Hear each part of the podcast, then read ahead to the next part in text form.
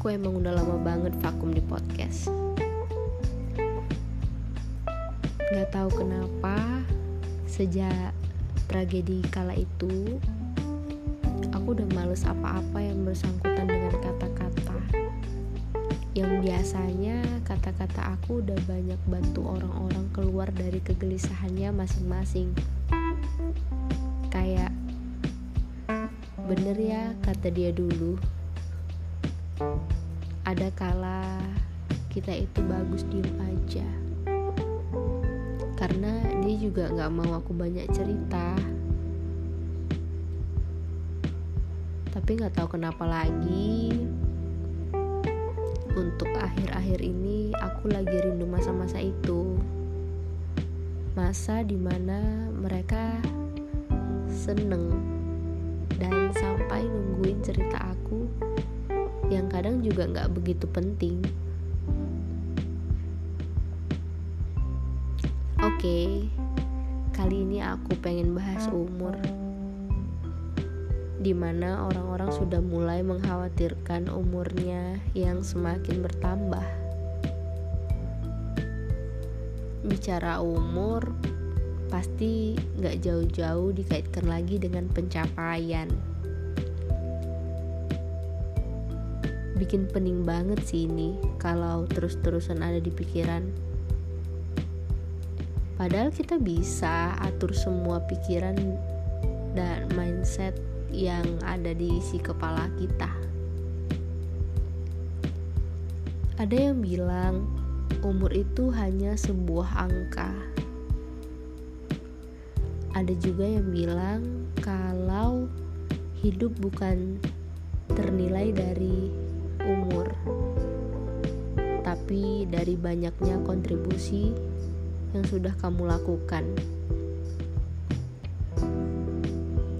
Tapi masih ada juga sih yang masih memandang apa-apa itu dengan umur. Mungkin bukan dari diri kita, tapi dari orang lain. Bahkan orang lain lebih paham dan lebih tahu tentang kita dari kita sendiri. Padahal kita bahkan nggak tahu umur berapa di orang yang mana yang bisa menyelesaikan masalah yang sedang kita hadapi saat ini. Dan kita juga belum tentu benar menerka kehidupan seseorang itu hanya dari karakter, gelagat, dan pembawaannya saat berinteraksi dengan orang lain. Mungkin banyak bahasa tubuh yang sedang ia sembunyikan kala itu. Apalagi beberapa waktu belakangan ini, banyak sekali orang-orang yang tidak bisa tampil sempurna sesuai sifat aslinya karena karena takut tidak bisa diterima lingkungan sekitarnya dan kemudian merasa insecure. Kan setiap orang berhak belajar dan mengajarkan orang yang dia kehendaki.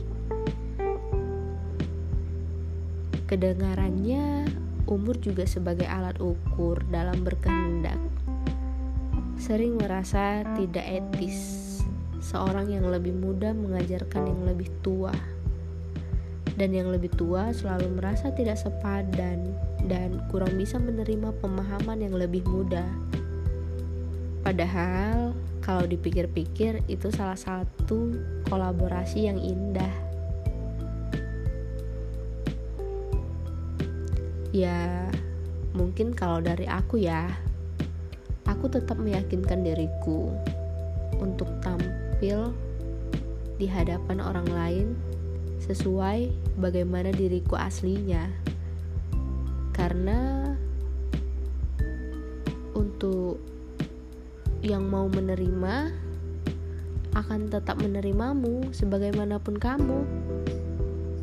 Dan bagi yang tidak bisa menerima, tidak masalah kau juga akan kehabisan energi jika memaksakan diri kepada orang yang tidak bisa menerimamu apa adanya. tapi lain dari yang tulus. Bahkan, dia bisa menerima dan menikmati kesakitannya saat bersama orang yang dia mau.